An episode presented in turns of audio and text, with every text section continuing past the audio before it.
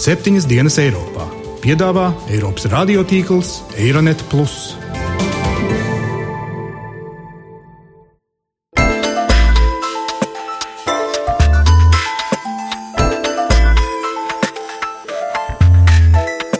Šodien, septiņas dienas Eiropā, dzirdēsim. Iebraucēju straume nemazināsies. Eiropa negrib laist iekšā nelegālos imigrantus. Tas ir normāli, ka viņi brauc uz Angliju, Īriju un Skandināviju strādāt.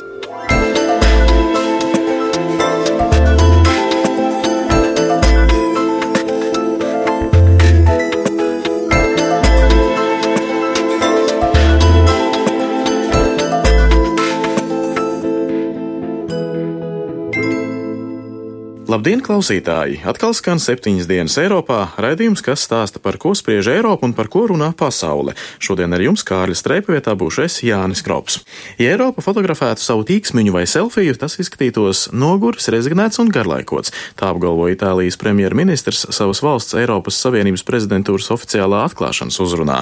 Uzstājoties Eiropas parlamentā, Mateo Renci savā runā uzsvēra nepieciešamību no jauna atklāt Eiropas dvēseli. Renci valdību uz sešiem mēnešiem ir pār pārņēmusi prezidentūra, norādot, ka tās galvenās prioritātes būs stabilitātes un izaugsmes pakta piemērošana, liekot lielāku uzsvaru uz izaugsmi, nevis stabilitāti, kā arī Itālijai aktuāli sāpīgais ir migrācijas jautājums. Tāpēc esam izvēlējušies šonadēļ raidījumā pievērsties tieši migrācijas un imigrācijas tematiem. Stāstīsim par legālo un nelegālo migrāciju, kā arī par Eiropas valstu migrācijas un integrācijas politiku un šā brīža aktuālajiem migrācijas riskiem. Bet vispirms manu kolēģu Mājas Sūrskas un Gitas Siliņas sagatavotais pēdējās nedēļas notikumu atskats. Eiropas diplomāti aizvadītajā nedēļā atlika daudzkārt solīto ekonomisko sankciju ieviešanu pret Krieviju. Ukraina un tās sabiedrotās par to neslēpa sašutumu. Interneta izdevums Cenzor.net.ua citēja Gruzijas bijušo prezidentu Mihailu Sākašvili, kurš brīdināja, ka šāda situācija met akmeni pašas Savienības virzienā un prognozēja, ka Ukrainas bēgļu skaits ar laiku var pat pārsniegt Balkānu kara bēgļu skaitu.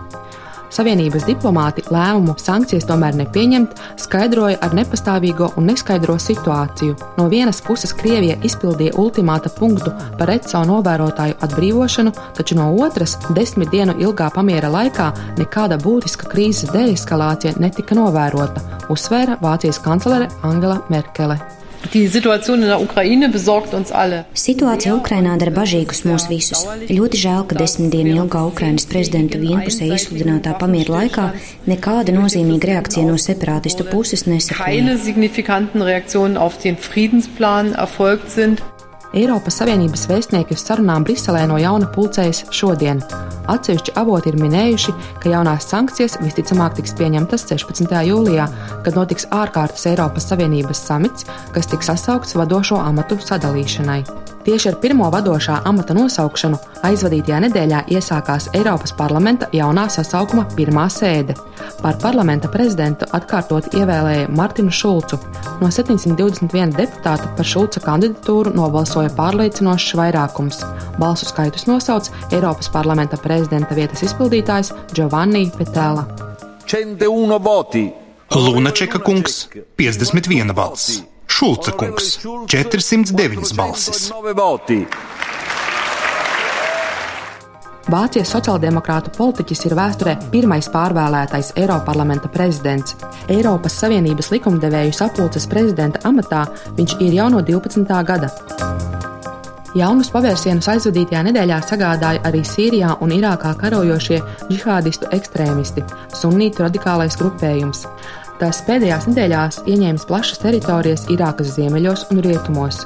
Viņi paziņoja par islāma valsts izveidošanu. Irākas premjerministrs Nurijāla Malikī uzsvēra, ka tas nozīmē, ka jau tagad tas iezīmē draudus visam reģionam. Kalifāta valsts ir ziņa reģiona valstīm, jūs vairs neesat ārpus sarkanā apļa. Pirms tam viņi runāja par Irākas un Levanta valstīm, bet tagad viņi jau runā par visa reģiona kalifātu. Nevienam nevajag domāt, ka kaimiņu valstis ir tālu no šī plāna. Politisko procesu vērotāji bažījas, ka kaujas Irākā varētu ieilgt un situācija arvien vairāk sāks līdzināties kara darbībai kaimiņu valstī Sīrijā, kur ilgstošā kara laikā uz citu šīs valsts daļu bijuši spiesti pārcelties 6,5 miljoni sīriešu, bet aptuveni 2,5 miljoni devušies bēgļu gaitās ārpus kara plosītās dzimtenes.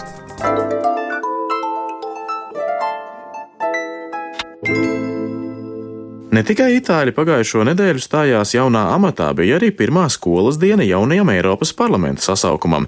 Bija sanākuši komunisti un fašisti, pirāti un zaļie, bijušie premjerministri un eirokrāti. Visi ieņēma savas ērtās vietas uz nākamajiem pieciem gadiem.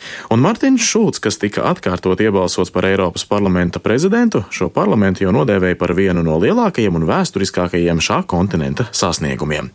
Ja jau Dēvids Kamerons vaidēja par Žanu Klodu Junkeru, ko viņš teiks par Junkera Šulca tandēmu, jo Luksemburgas kristīgais demokrāts un vācu sociāldemokrāts ir apņēmušies parlamentā mēsties uz vienu roku, lai izveidotu lielo koalīciju pēc labākā Vācijas ģīmju un līdzības. Šāds veidojums, viņuprāt, būs nepieciešams, lai savaldītu visus parlamentā iekļuvušos eirofobus un skeptiķus un aizdzītu tos atpakaļ, no kurienes nākuši.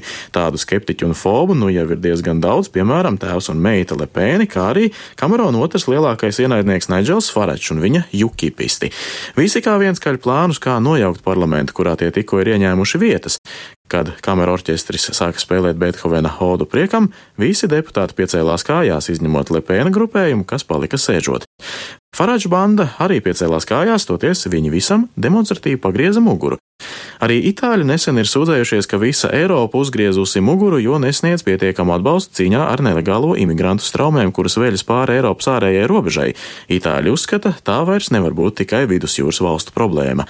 Visai Eiropai jāmeklē ir kopīgs risinājums. Vairāk par šo manas kolēģis Gitas Siliņas sagatavotajā sižetā.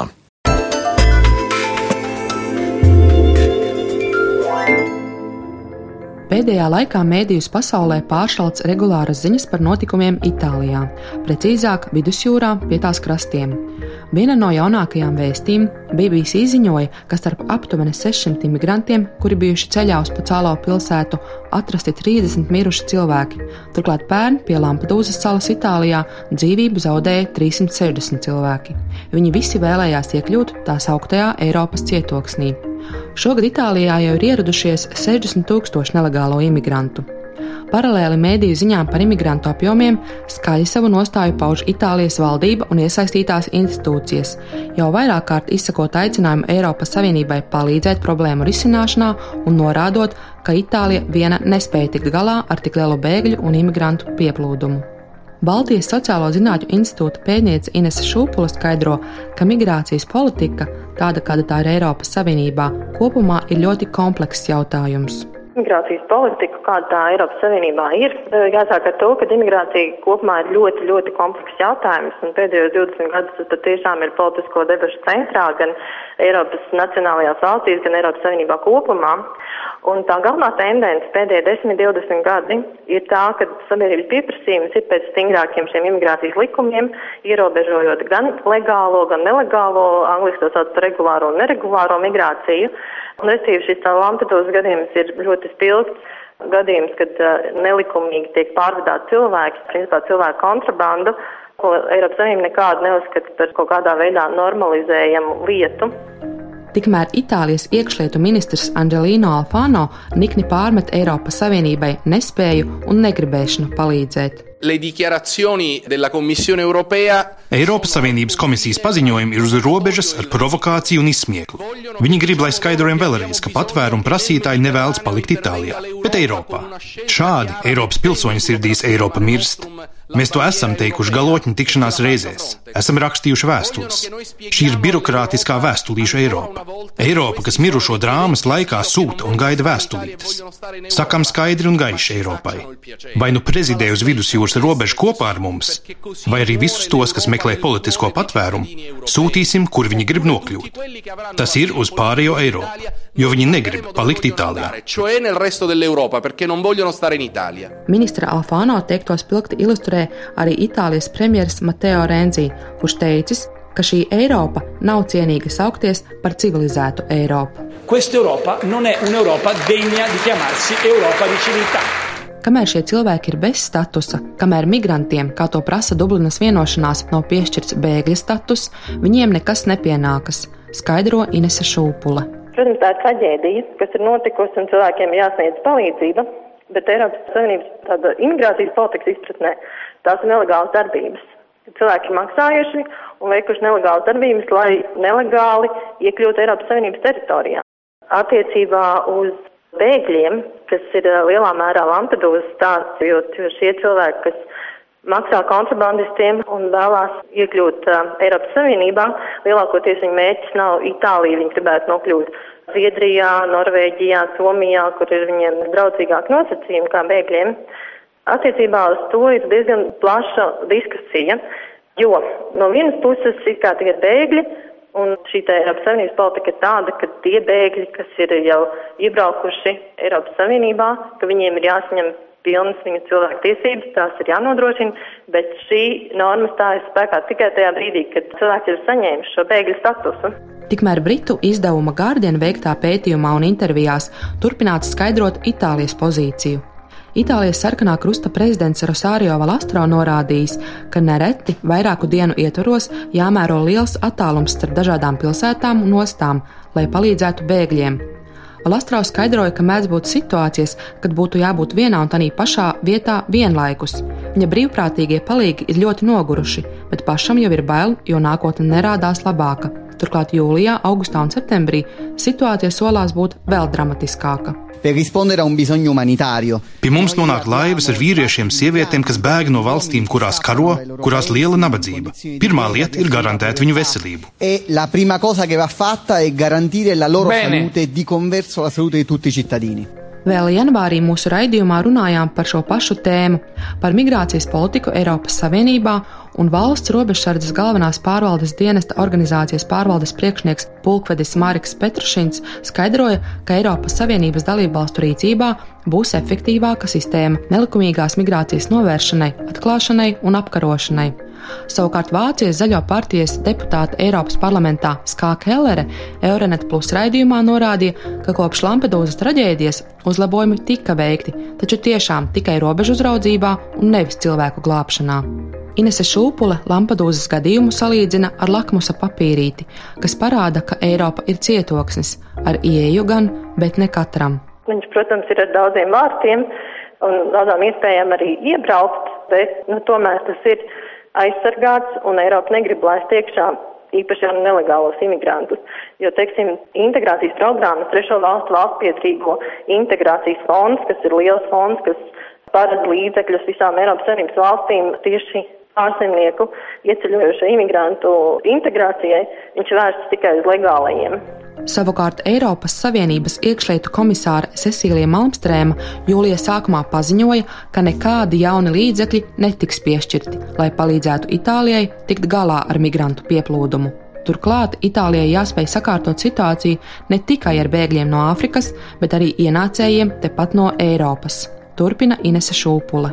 Tāda cik Eiropas politika, es neteiktu, ka viņa bezspēcīga, viņa ir tāda savas intereses aizstāvoša un mēģinot robežas. Nu, tas ir tas par šo Lampedūzas gadījumu. Ja kopumā vēl par Itāliju komentēt un Itālijas šo stāstu, principā Āfrikas migrācija nav pati lielākā problēma Itālijā. Itālijā 51% imigranti ir no Eiropas un tikai 22% ir no Āfrikas.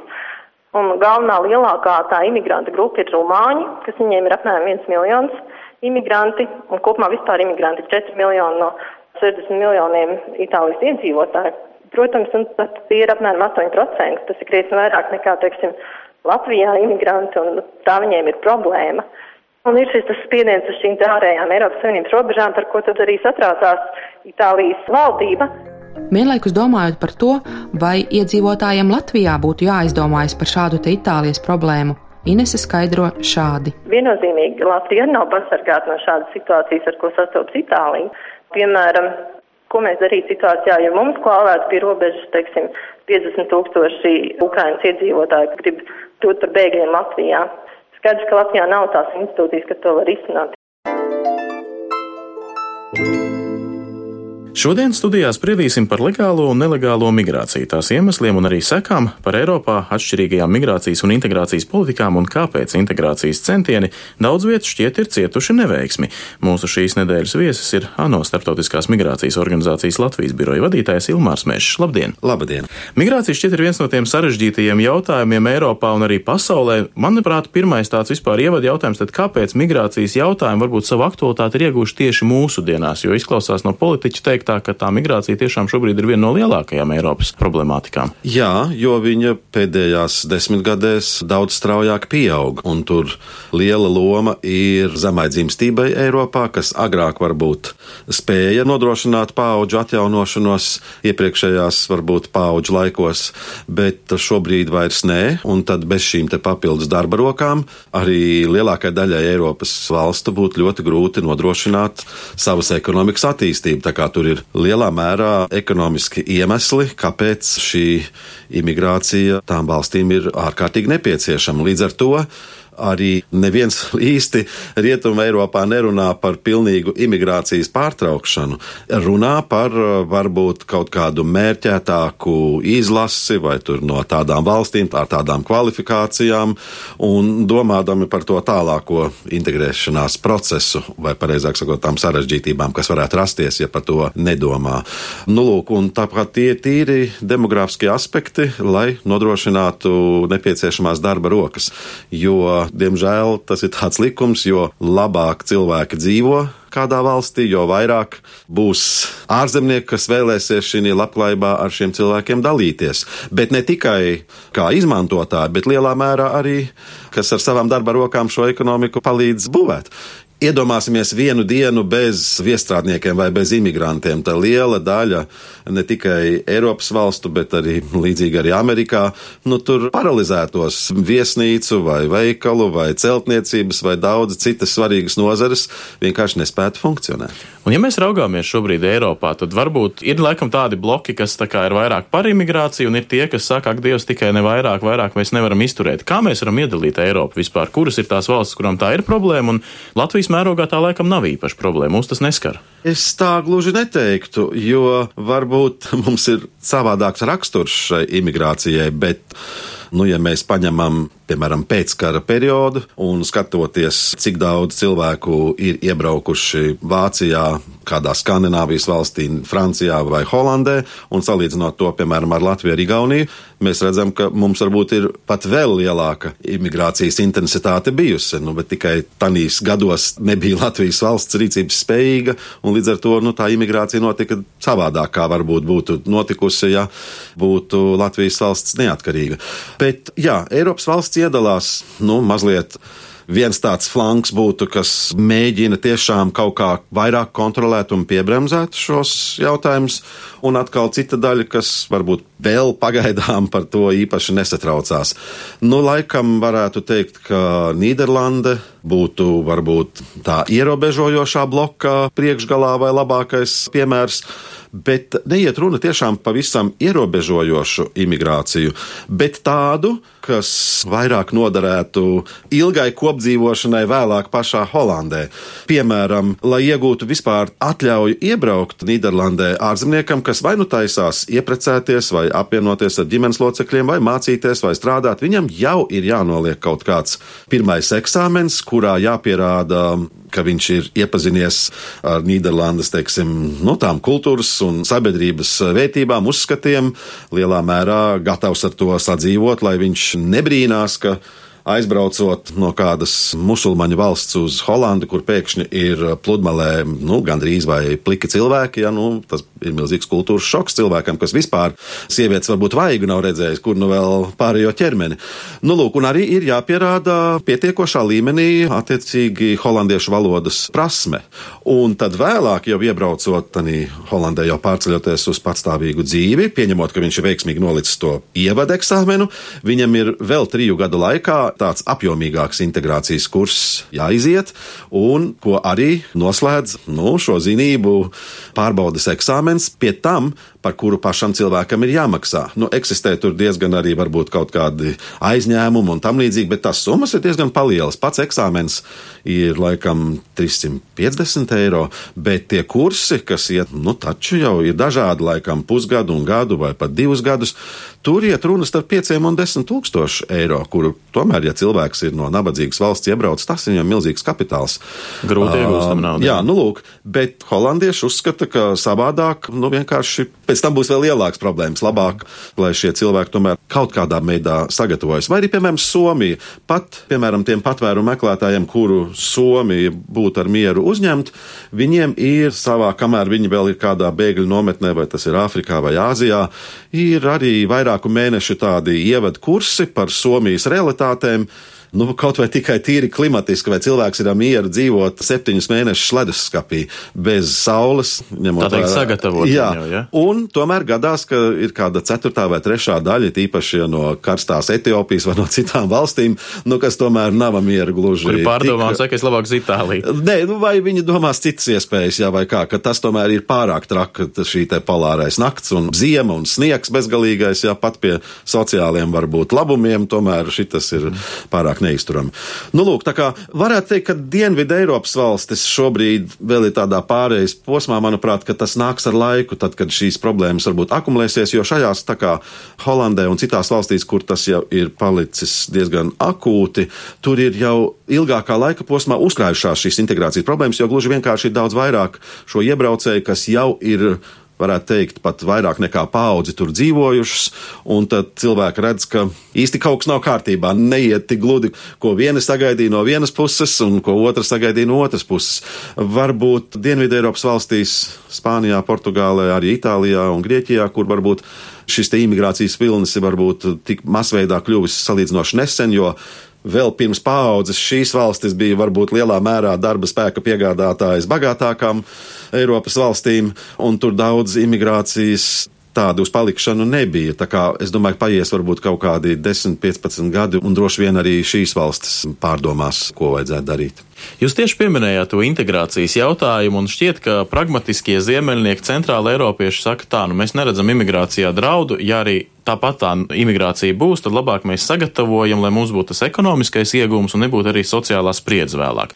Tā, tajā pašā laikā jūs pieminat arī dienvidu valstis, kuras varbūt šobrīd ir saskārušās ar to šoku, ka arī pie viņiem kāds grib braukt, un tad man nāk prātā doma, kā tad būs Latvija. Latvija kā šobrīd nu, nav tik interesanta vēl tiem iebraucējiem no tuvajiem austrumiem un Āfrikas, bet varbūt pēc gadiem 10, 15 arī pie mums kāds gribēs braukt, vai arī tie paši Ukraiņi kaut vai tagad izdomās braukt pie mums vairāk. Kā mēs varam sadalīt to integrācijas politiku un kas būtu jādara, lai tā integrācija būtu tiešām nu, veiksmīga, efektīva? ļoti plašs jautājums. Es ceru, ka man ir kāda stunda atbildēji. Bet nav jau tā, ka šobrīd imigrācijas Latvijā nebūtu. Katru gadu starp 3 un 5 tūkstošiem pavisam jauni ārzemnieki, respektīvi tādi, kas agrāk Latvijā nebija dzīvojuši, iebrauc un apmetās uz dzīvi. Nu, kamēr tie ir starp 3 un 5 tūkstošiem ik gadus, varbūt mūsu sabiedrība īsti viņu stāv uz ielām masveidā neievēro, jo arī izcelsmes valstis no tām, kurām viņas brauc, ir sākot ar Krieviju, citas bijušās Padomu Savienības valstis. Līdz ar to mēs pieņemam, ka tie ir vecie Padomu Savienības iebraucēji. Īsti neiedomājamies, ka varbūt viņi ir tikai pirms gada iebraukuši. Bet, eh, protams, ka pie visa vainīga būs labklājība. Ja mēs dzīvosim labāk, piemēram, vismaz Eiropas vidējās labklājības līmenī, ja mēs nebūsim Eiropā ekonomiskā ziņā beigu daļā, tad arī būs daudz vairāk cilvēku, kas mums gribēs šī labklājībā ar mums dalīties. Līdz ar to tur nav tādu argumentu, kas varētu teikt, nu kurš tad gribēs uz Latviju braukt. Jā, nu kamēr mēs esam ekonomiski tādi nepievilcīgi, tikmēr tā iebraucēju strauma ir minimāla. Bet es domāju, arī ar patreizējo ekonomiku, kāpēc tad mums tomēr ir visa šī imigrācijas politika. Ja mums nebūtu, ja jebkurš ārzemnieks brīvi varētu vai no Krievijas, Gruzijas, Ķīnas vai Turcijas vai kādas Āfrikas valsts brīvi iebraukt, palikt šeit uz dzīvi un sākt strādāt, jūs redzēsiet, ka te nebūs desmit, bet varbūt pat simti tūkstoši vairākos gados. Tā kā nevar teikt, ka nebūtu šo cilvēku interese, jo no tām valstīm, no kurām viņi mēģina aizbraukt, tur tā ekonomika ir vēl daudz kārt bēdīgāka. Ja viens bangladešietis vai pat grūzīns un moldāvs, ja viņam nav gluži iespējas ērti tur kaut kur bagātākā Vācijā vai Skandināvijā, viņam arī Rīgas jaunceltne būvniecība būs pietiekoši labs darbs, kur viņš labprāt priekš daudziem grūzīniem arī mūsu minimālā alga ir pietiekoši interesanta, lai uz šejiem dotos un mēģinātu strādāt. Tā kā ekonomiski diezgan drīz Latvija paliks pievilcīga, jo redziet, tā ir tās nūjas divi gali. Mēs visi gribam dzīvot labāk, bet tā blakne, kas nāk ar to labāk dzīvošanu, nē, nē, to mēs negribam, to nē. Nu, tā nevarēs, jā, būs vai nu vai nu. Vai nu mēs mūžam paliksim Eiropas nabadzīgākie, un tad mēs varēsim iztikt lielā mērā bez šīs imigrācijas, vai nu viņa būs, un attiecīgi tās būs tās papildus efekti vai sekas vai blaknes, kas ar to nenovēršam ir saistīti. Bet atgriežoties pie integrācijas politikas, nu, tur ir varbūt tādi trīs galvenie aspekti. Viens ir valoda, un kur nāktu arī sabiedrības ieradumi, sauksim, tradīcijas, kultūras. Bet otrs, tikpat svarīgs ir būtībā spēja iekārtoties un dabūt darbu. Tā tad tīri ekonomiskā integrācija. Un varbūt trešais, kas Rietumē Eiropas valstīs ir daudz mazāk, bet mums ir varbūt pat visvairāk, ir šī politiskā integrācija. Jo, piemēram, mūsu iebraucēji, kādreizēji ārzemnieki, nu, piemēram, lielā mērā nepilsoņi un citi, kas iebrauca padomu laikā, viņi ekonomiski ir ļoti labi integrējušies un daudziem citiem varbūt šķiet, ka varbūt labāk par vidējo latvieti. Tā kā mums absolūti atkrīt citu Eiropas valstu tā integrācijas problēma, kad ir ārkārtīgi liels bezdarbs un milzīga nabadzība tieši starp iebraucēju iedzīvotājiem. Un mums atkal ir otrādāk. Tā ekonomiskā daļā ir, varētu teikt, samērā līdzīga starp latviešiem un krieviem, kur pretī politiskā ziņā, nu, tur uzreiz, par, piemēram, par valsts nākotni, vai valstī būt Eiropas Savienībā, vai varbūt iestāties kaut kādā Krievijas muitas unijā, vai būt NATO sastāvā, vai nē. Uzreiz un, viedokļi dalīsies. Uzreiz viedokļi pat par, ja mēs atkal, nu, piemēram, valsts valodas referendums, vai Latvijas iestāšanā Eiropas Savienībā referendums, vai Latvijas valsts neatkarības referendums no 90. gada sākuma. Tas viss būtībā tie procenti analogi atkārtojās. Nu, lūk, tā kā ir šīs trīs dimensijas, būtu tā valoda un kultūra. Un tur valodiskā ziņā mums ir tās atšķirības, bet kultūrālā ziņā Latvijai ar mūsu iebraucējiem nu, ir apmēram vieglāk sadzīvot. Mums nav starp latviešiem un krieviem tādas, nu, ja piemēram, kā vāciešiem un turkiem, kur ir neiedomājams, kad jauna meitene varētu līdz laulībām vispār pamest vecāku māju, kur būtībā arī vecāki lielā mērā nosaka, ko šī meitene aprecēsies, ar ko nu, mums lielā mērā starp latviešiem un krieviem šī te varbūt tradicionālā ziņā, nu labi, viens svin mazāk jāņus, otrs tur vairāk, bet nav varbūt tādā sadzīviskā ziņā tik krasas šīs atšķirības. Nestaigā taču ar aizsaktām sejām viena daļa un otra, teiksim, kas par to brīnās. Ja mēs esam, kā jau arī kaimiņu valstis, kaimiņu tautas, nu, samērā varbūt jau līdzīgi šī ziņā, bet mums ir šīs citas atšķirības, kas nav atkal tik izteiktas Rietumē Eiropā.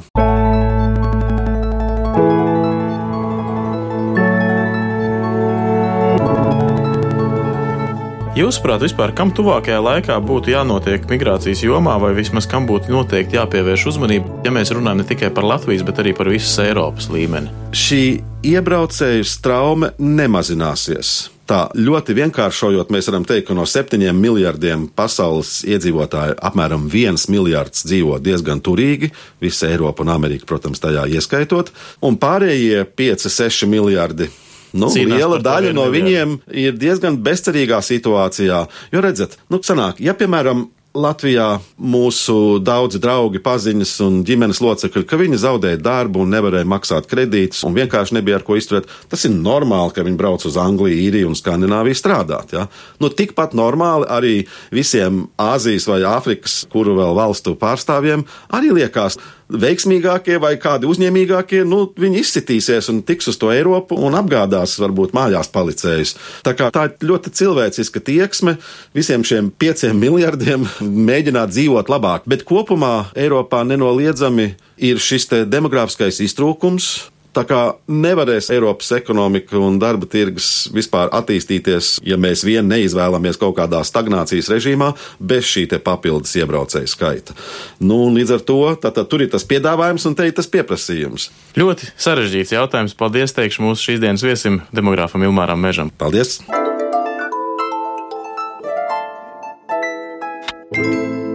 Tautas dziesmā teikts, labāk tēva dubļu uz brīdu netautieša laipu gāja.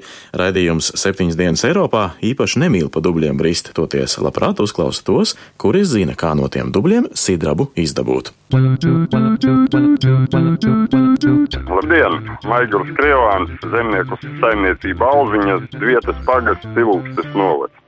Lauksaimniecība ir interesanta pirmkārt ar to, ka viņa nekad nav vienāda un divi gadi nekad nav vienādi, un kā mēs zinām, laika apstākļi arī nekad divas vasaras nav vienādas.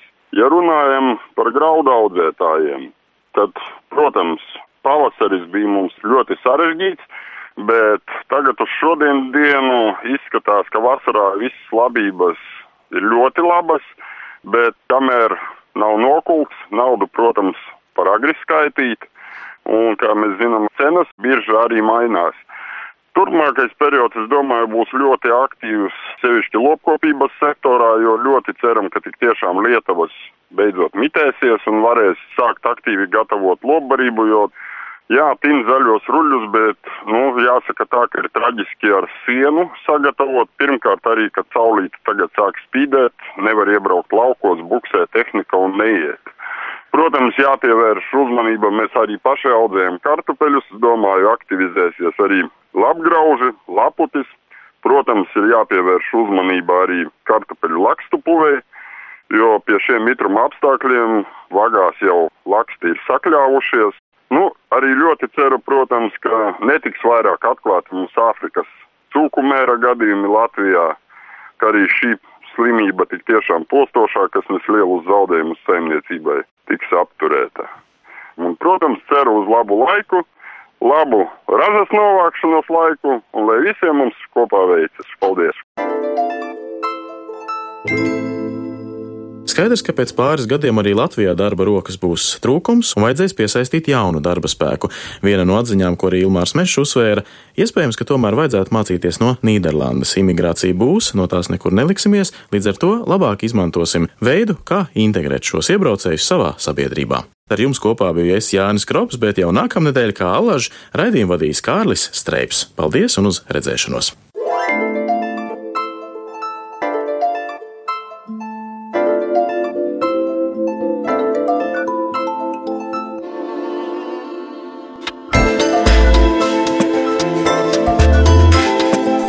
Raidījumu veido Kārlis Streips, Gita Siliņa un Jānis Krops. Producents Lukas Rozītis.